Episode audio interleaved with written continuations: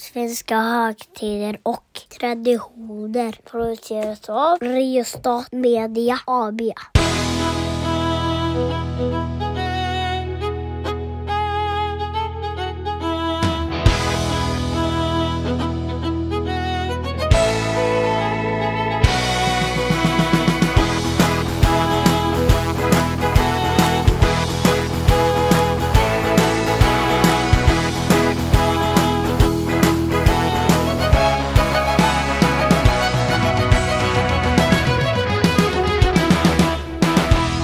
Ja, det är ju nästan som man borde börja med någon slags så här jingle bells, jingle bells. Hmm, hmm, hmm. Eller vad säger du Mattias? Förutom, det att Jingle Bells inte alls är en jullåt, men Nähä. visst, låt gå för det. Ja, men du vet, min, mina, mina sådana kunskaper är så dåliga så att... Så här, vi har väl dubbat Jingle Bells till en jullåt numera, men från början när den kom så var det faktiskt inte en jullåt. Och läser man texten till Jingle Bells, eller bjällerklang som det heter på svenska, så finns det faktiskt ingenting i den som anspelar på jul överhuvudtaget. Nej. Utan det är en slädfärd som enligt legenden åtminstone eh, företas i slutet på november i anslutning till Thanksgiving. Men som sedan har blivit en jullåt på grund av sina kopplingar till snö och slädfärder och den typ av musik som man ju gärna förknippar med just julmusik. Men ska jag, ska jag sjunga en, eh, vad ska vi kalla det, Ehm, lite svart humor i jullåt? Eh, helst inte. Nej, jag får bollen den för mig själv då. Ja, behåll den för dig själv tycker jag. Men eh, välkommen till eh, svenska eh, högtider och traditioner med mig Tack Daniel. Karlenfors och eh, med dig Mattias, eh, traditionsexperten Axelsson. Ja, jag tror det var mig du hälsade välkommen till podden. Det här var jag lyssnare faktiskt. Ja, okej. Ja. ja. Jag tänker att de är, de är värda det. Uh, tveksamt om du är det. Okej då. Låt gå för den saken, låt gå för den saken. Men det är kanske uppenbart, men julafton ska vi prata om. Och inte som jag kallar det, bara jul. Nej, alltså man skulle ju kunna göra ett avsnitt om julen som sådan, men vi har ju valt att försöka vara ganska specifika i den här podden. Att eh, ta upp olika dagar och ämnen i varje podd. Och i och med att julen är, det, det finns så många olika ingångar i julen, så många olika saker att prata om. Så tänkte jag att det var lämpligt att göra åtminstone två separata avsnitt. Ett om själva julaftonsfirandet och ett om juldagen. Och då tänker jag på det juldagsavsnittet som kommer imorgon. Då, för er som lyssnar där när det släpps. Då ska vi fokusera mer på den kristna aspekten av jul, alltså Jesus födelse och historien om Jesus födelse och vad vi vet om den och så vidare. Men idag pratar vi mer om julaftonen och julaftonsfirandet som sådant. Mm, men du är väl också religionslärare va? Eh, Det stämmer, jag är mycket riktigt religionslärare. Så du får kombinera olika favoritämnen här då till nästa gång. Ja, det är ju lite av en, och framförallt det där att prata om Jesus Det gillar du. och den historiska Jesus och vad vi vet om Jesus. Det är faktiskt ganska intressant. Ja. Så det ser jag fram emot imorgon. Yes, härligt. Men Mm. vi går eh, på vår tradition, fem snabba. Skj- Skjut, tänkte jag säga. Shoot. Shoot! När infaller dagen? 24 december. Hur firar vi? Vi firar genom att äta massa mat, kolla på kalanka och dela ut julklappar. Hur länge har vi firat? Vi har firat jul så länge som vi överhuvudtaget känner till. Vem firar? Så gott som alla svenskar, det är bara några enstaka som inte firar jul på något sätt. Är det något vi inte har på julbordet? Vi har inte tacos på julbordet. Oh, men vad har vi på det då? Eh, det finns en massa olika saker som vi har på julbordet. Det finns ju säkert de som har tacos, eller sådär, jag vet att det finns de som har tacos på julbordet. Eh, jag har läst det på sociala medier. Men när vi pratar om julmat som sådan, alltså det vi på något sätt kallar för julmat, eller det vi har i Sverige upphöjt till julmat, så finns det ju hur många olika undersökningar som helst om just julmaten och vad det är som svenskar sätter på sitt julbord. Men jag tänker jag ska bolla tillbaks frågan lite till dig, du som inte har läst 47 olika undersökningar från olika institut Ja. om vad som finns på svenskars julbord. Vad är det du har på ditt julbord, eller vad är det du skulle vilja ha på ditt julbord? Alltså, det, ja men det, ja, precis. Där kan det vara en skillnad mellan vad man vill se och vad man vill äta. Eh, Jag tänker utgå från vad jag tycker om att äta. Då gillar jag eh, köttbullar, skinka, Ja. potatis, prinskorv, långkål.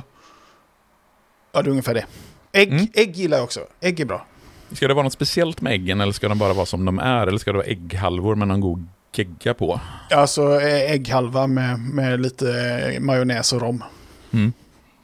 Det låter ju som att du eh, ligger ganska väl i linje med vad svenskar i allmänhet äter på sitt julbord, trots eh, att du inte är en stor traditionalist.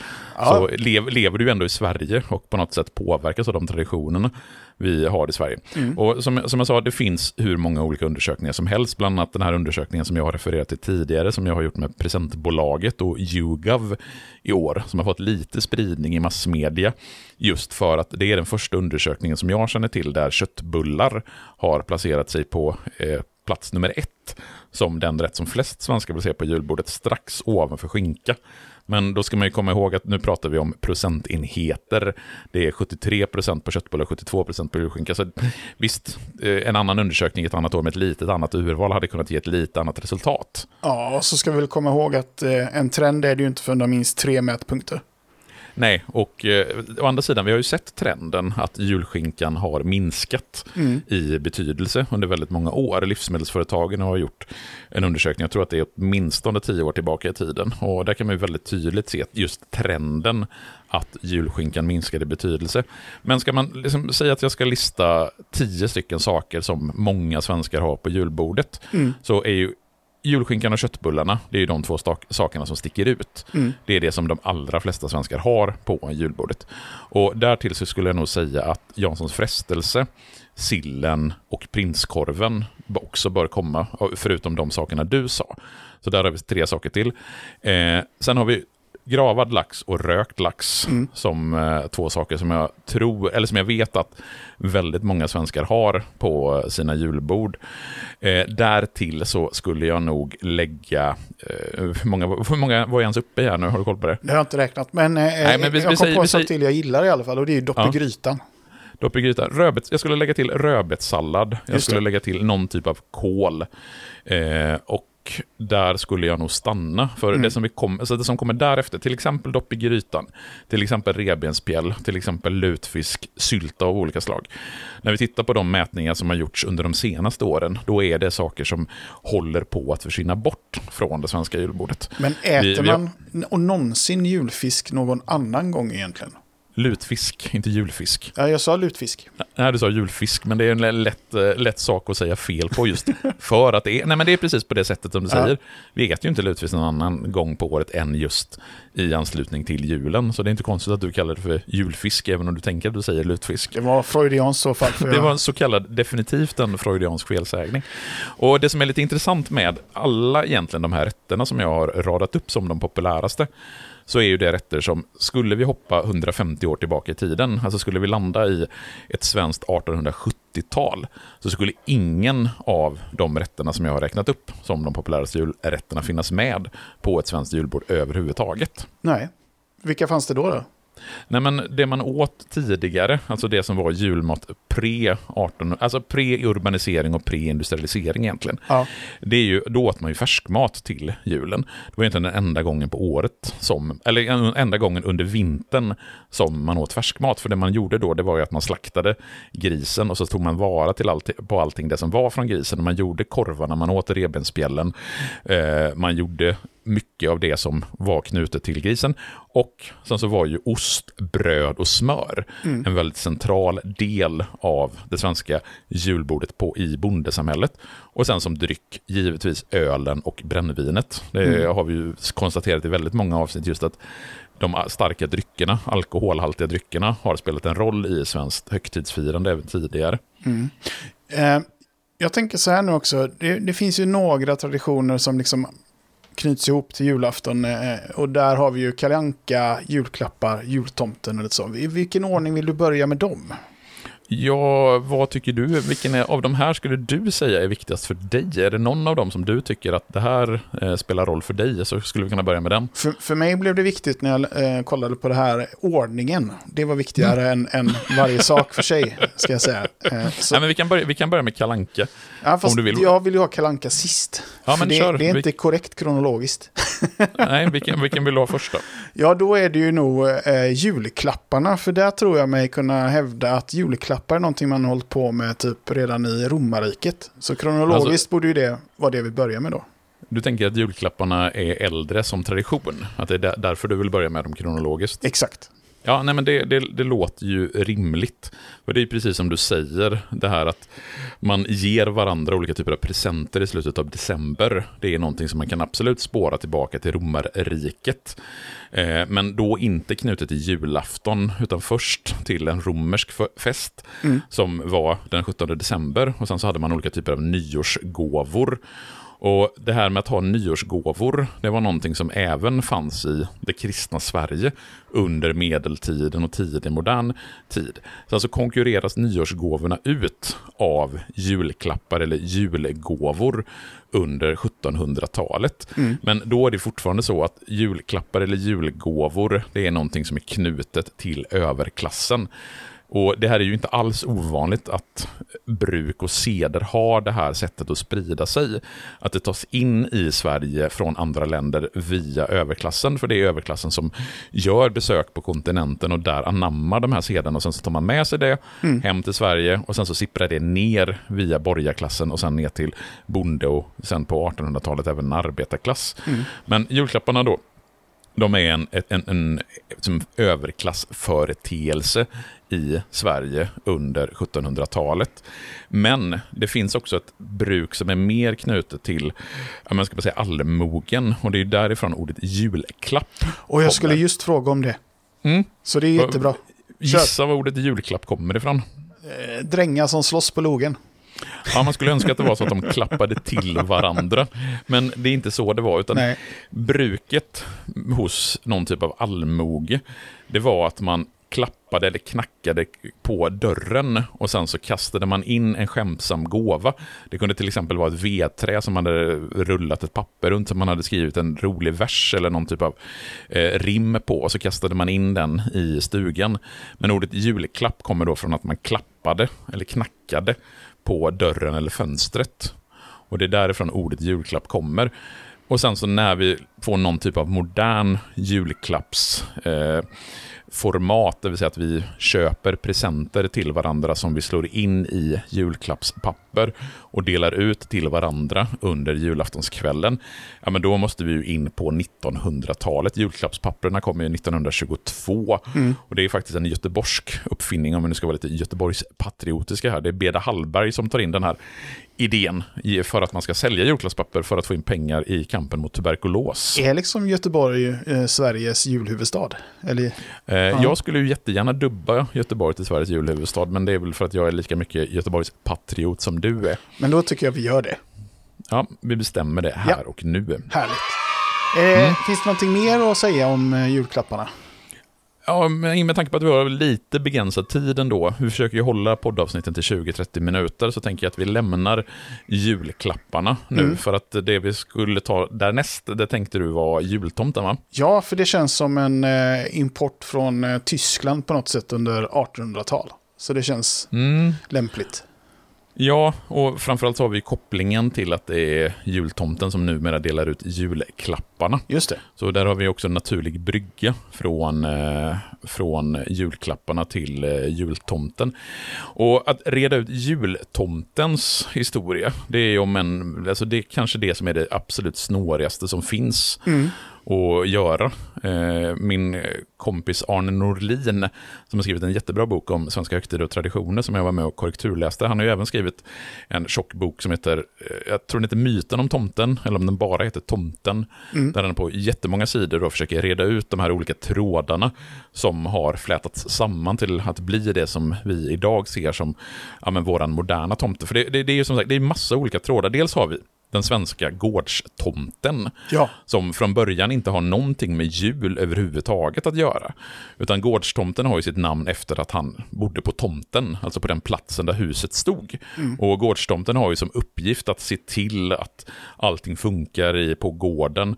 Eh, och Viktor Rydberg skrev ju i slutet på 1800-talet sin berömda dikt Tomten, den som börjar midvinternattens köld är hård. Just det. Och det är många som tänker på det som en juldikt, men i och med att Viktor Rydberg skriver den här, jag tror att det är 1881 som den publiceras, mm. då har ju inte tomten ännu blivit en julsymbol. Och läser man dikten Tomten så finns det egentligen ingenting i den dikten som överhuvudtaget eh, handlar om julen eller julfirandet.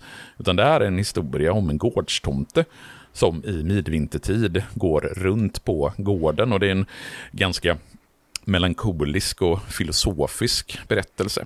Sen så blir ju tomten eh, under 1900-talet en juldikt, den transformeras till en juldikt, eh, framförallt utifrån den filmen som produceras 1941 och sen så blir det en julaftonstradition på 1980-talet. Man mm. sänder den här lilla svartvita filmen Tomten. Och i och med att Tomten då som film sänds på julafton så blir också Viktor Rydbergs dikt tomten en julaftonsdikt, även om det från början inte är det. Så där har vi den ena tråden i eh, tomtens historia. Den andra tråden, det är ju Sankt Nikolaus, alltså helgonet från Turkiet slash Grekland där nere i Myrra. Och Sankt Nikolaus har ju egentligen i Sverige aldrig haft någon större betydelse. Eh, lika lite som Lucia hade någon betydelse. Hans helgondag den 6 december har ju egentligen inte firats i Sverige i någon större utsträckning. Däremot har han på andra platser i Europa uppmärksammats och han har varit en gåvoutdelare. Tror att han är barnens skyddshelgon. Ja, Eller så, han har åtminstone någon koppling till barn och, ja, och han, han, är då utdelare av gåvor. Lite olika dagar i december, till exempel den 6 december, den 5 december på Sankt Nikolas afton. Och det som blir den stora grejen, det är ju när eh, A Visit from St. Nicolaus, eller St. Nicholas publiceras 1823 av Clements Clark Moore och sen de teckningar som kommer till den här dikten. För i den här dikten, Visit from St. Nicholas, från 1823, det är där mycket av den moderna bilden av den amerikanska Santa Claus-tomten formas. Det är, det, som, det är där han kommer genom skorstenen, det är där hans renar får sina namn, det är där han liksom framträder som en självklar utdelare av julklapparna. Och, men då är det fortfarande en ganska tydligt anglosaxisk tradition. Och det är egentligen först på 1900-talet som Santa Claus och jultomten konkurrerar ut andra utdelare av julklappar i Sverige. Vi har till exempel haft julbocken mm. som en julklappsutdelare långt tidigare än vad jultomten har varit. Och under 1900-talet så har ju i någon mening den svenska jultomten, så som den framförallt porträtterades av Jenny Nyström, som är en, en ganska kortvuxen, gråklädd man med, eh, tomt, med röd luva, mm. som kommer på julaftonskvällen och delar ut julklapparna.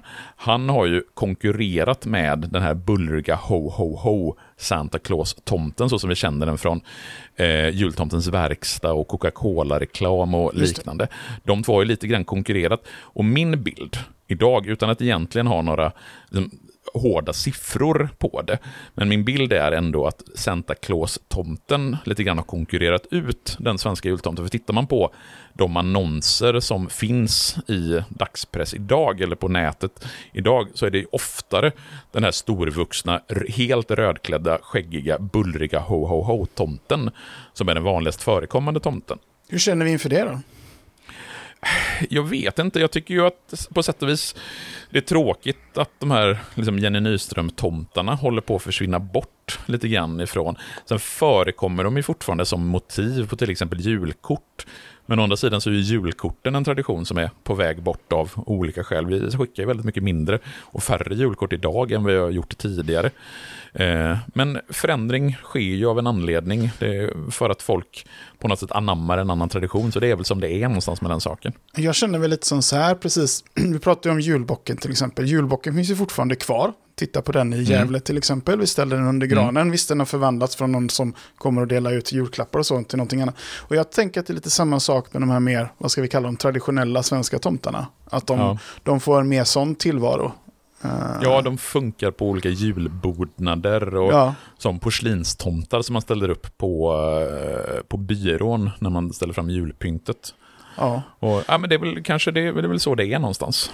Jag känner också att det finns ju hur många eh, sidospår som helst att gå in i vad det gäller oh, julafton. Det gör ju verkligen det. Gör verkligen det. Så jag ska ändå försöka hålla oss här, men det har dykt upp säkert fem frågor på vägen hit. Men, eh, men vi återkommer ju till julafton ja, nästa år, så då kan vi behålla de frågorna. Precis. Så, eh, då kommer vi väl ändå till det som Verkligen. Ja, men det, det är såklart en tradition och den har förekommit ganska länge. Den är den ändå den mest moderna. Men det är också den som sen säkert kommer leda in oss i kontroverserna kring julafton. Ja. Kalle Anka. Kalanka på julafton, eller Kalanka och hans vänner önskar god jul, som sänds 15.05 numera. SVT flyttade ju tiden fem minuter framåt. Blev det en kontrovers? Ja, det blev en kontrovers. eh, ända tills jag lyckades uppmärksamma folk på att det här var inte första gången som SVT hade flyttat programmet. Det gjorde man jämt på 60-70-talet. Ja. Utan det är först i som slutet på 70-talet som Kalanka får sin fasta sändningstid 15.00.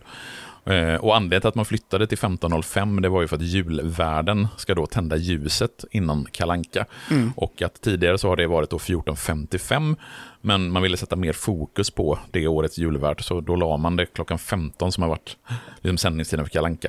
Skitsamma, det där var ett sidospår. Eh, vad har du för relation till Kalanka? Eh, någonting som eh, man såg jättemycket fram till när man var liten. Eh, detta var ju innan du vet kabel-tv och allting sånt. Mm. Så då fanns det ju bara två tv-kanaler. Eh, och tecknat var det ju typ nästan aldrig. Eh, och var det barnprogram Mm. så var det från Tjeckien typ. Mm.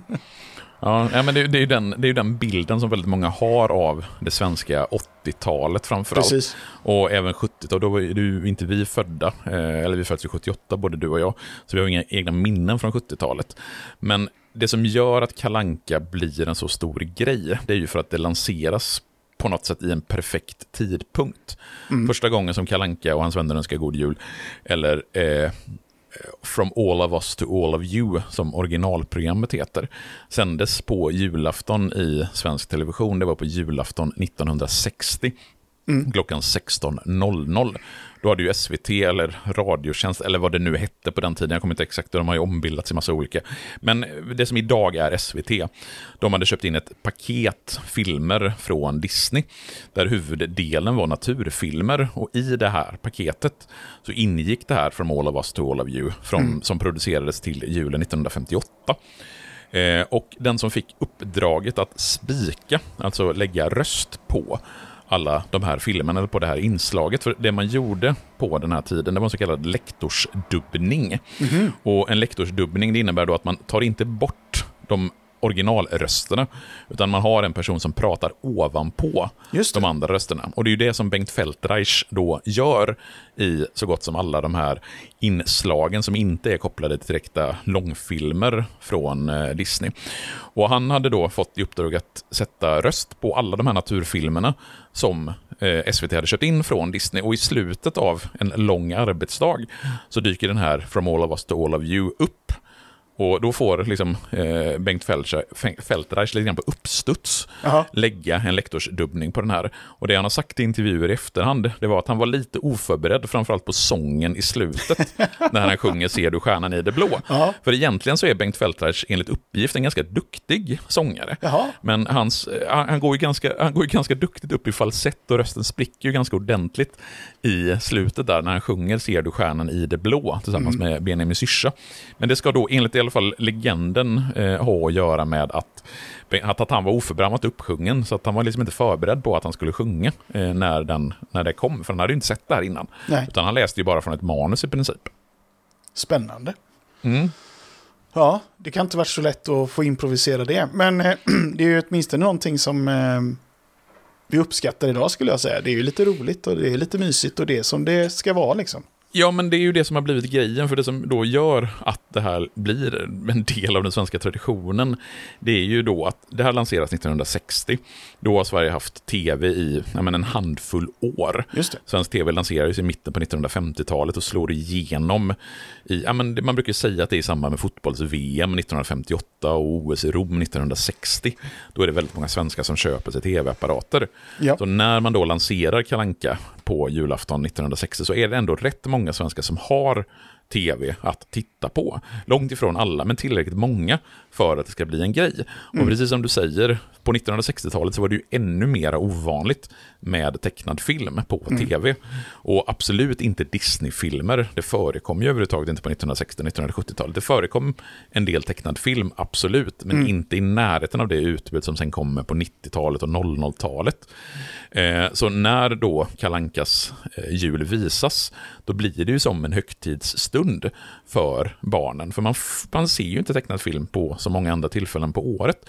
Nej. Och de som sen då växer upp med det, alltså de som är födda på eh, 50-60-talet, de tar ju med sig den här traditionen och laddar den med ett väldigt nostalgiskt innehåll. Och det tar vi sen med oss.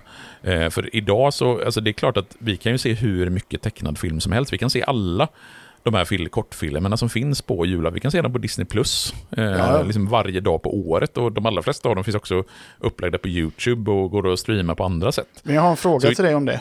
Ja, shoot. Var du också upprörd på dina kompisar som spelade in eh, det här på VHS?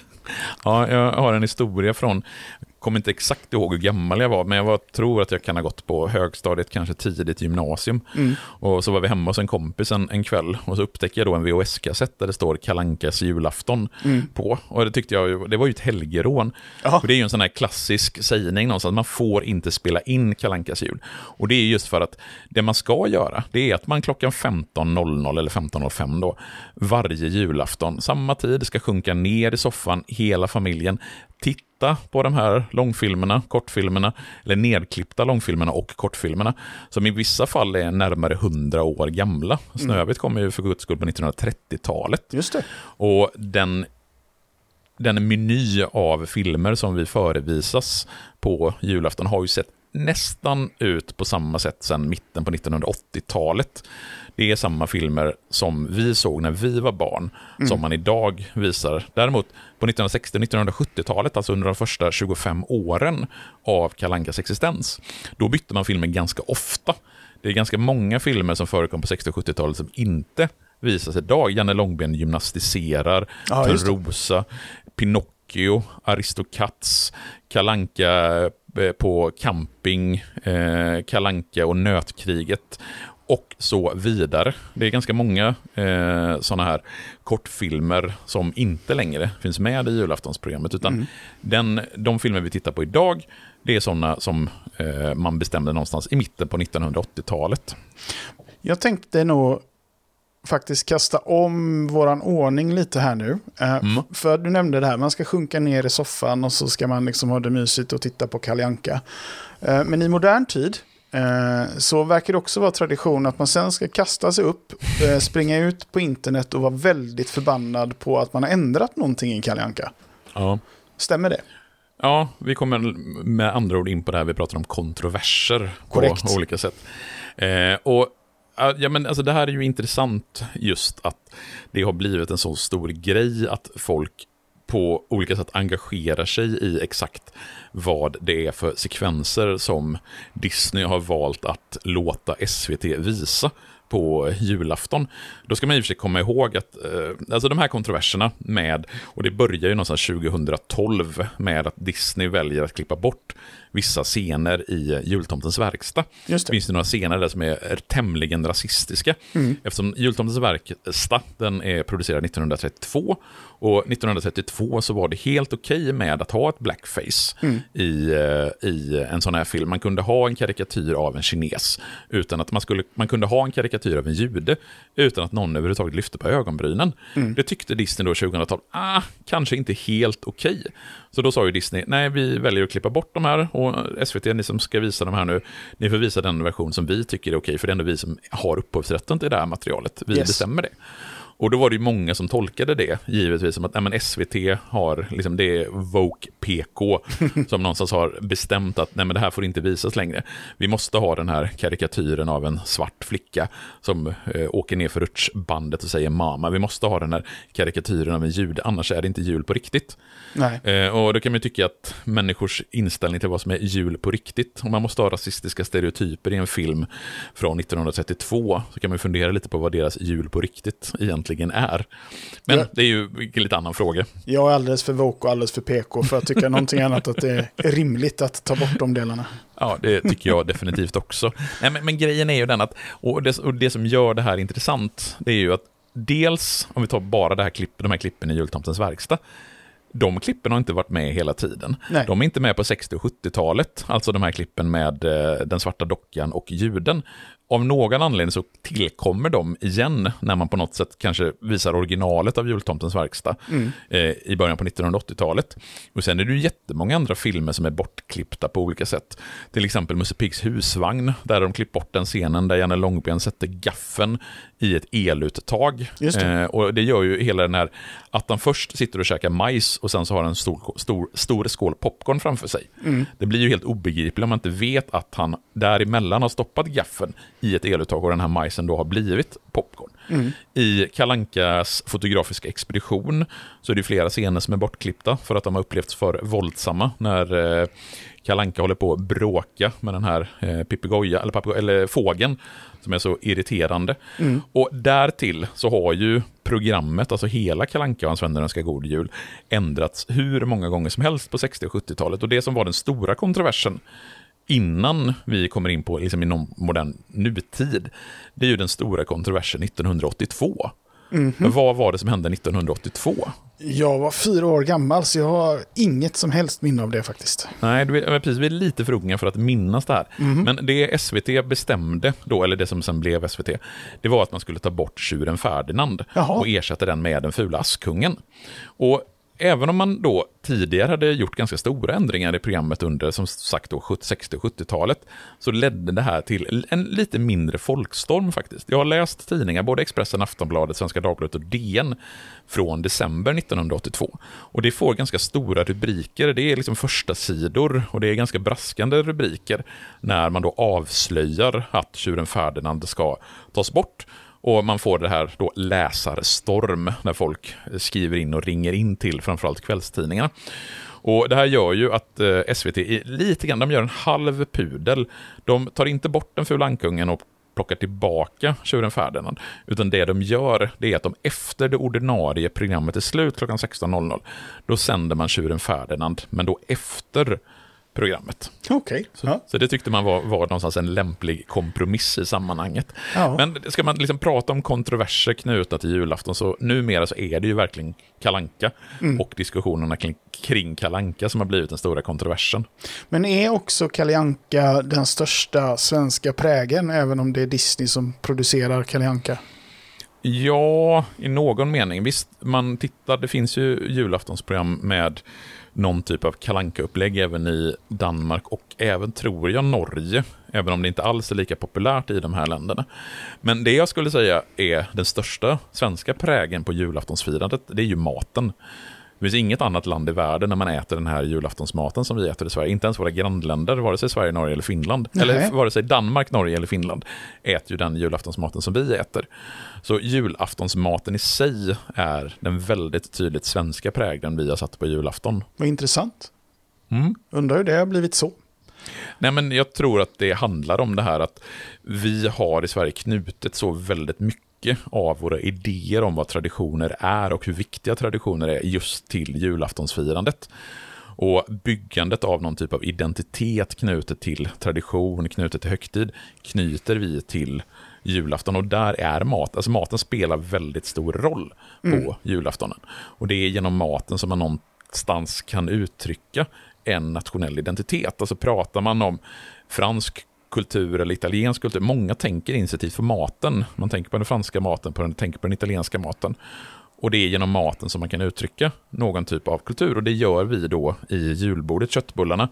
Absolut inte en bara svensk företeelse, men de svenska köttbullarna så som de serveras på julbordet, absolut en svensk grej. Och framförallt den här kombinationen, smörgåsbo, smörgåsbordsserverandet av maten. Det är så vi serverar julbordet. Mm. Och det är så någonstans, det är det som blir det unika. Dels hur vi serverar det, men också vilka rätter som vi har på julbordet. Men jag känner att vi skulle kunna dra ut det här avsnittet till säkert eh, en timme eller mer. Eh, men vi ska undvika det, så att jag tänker att vi nog kanske ska säga god jul och gott nytt år.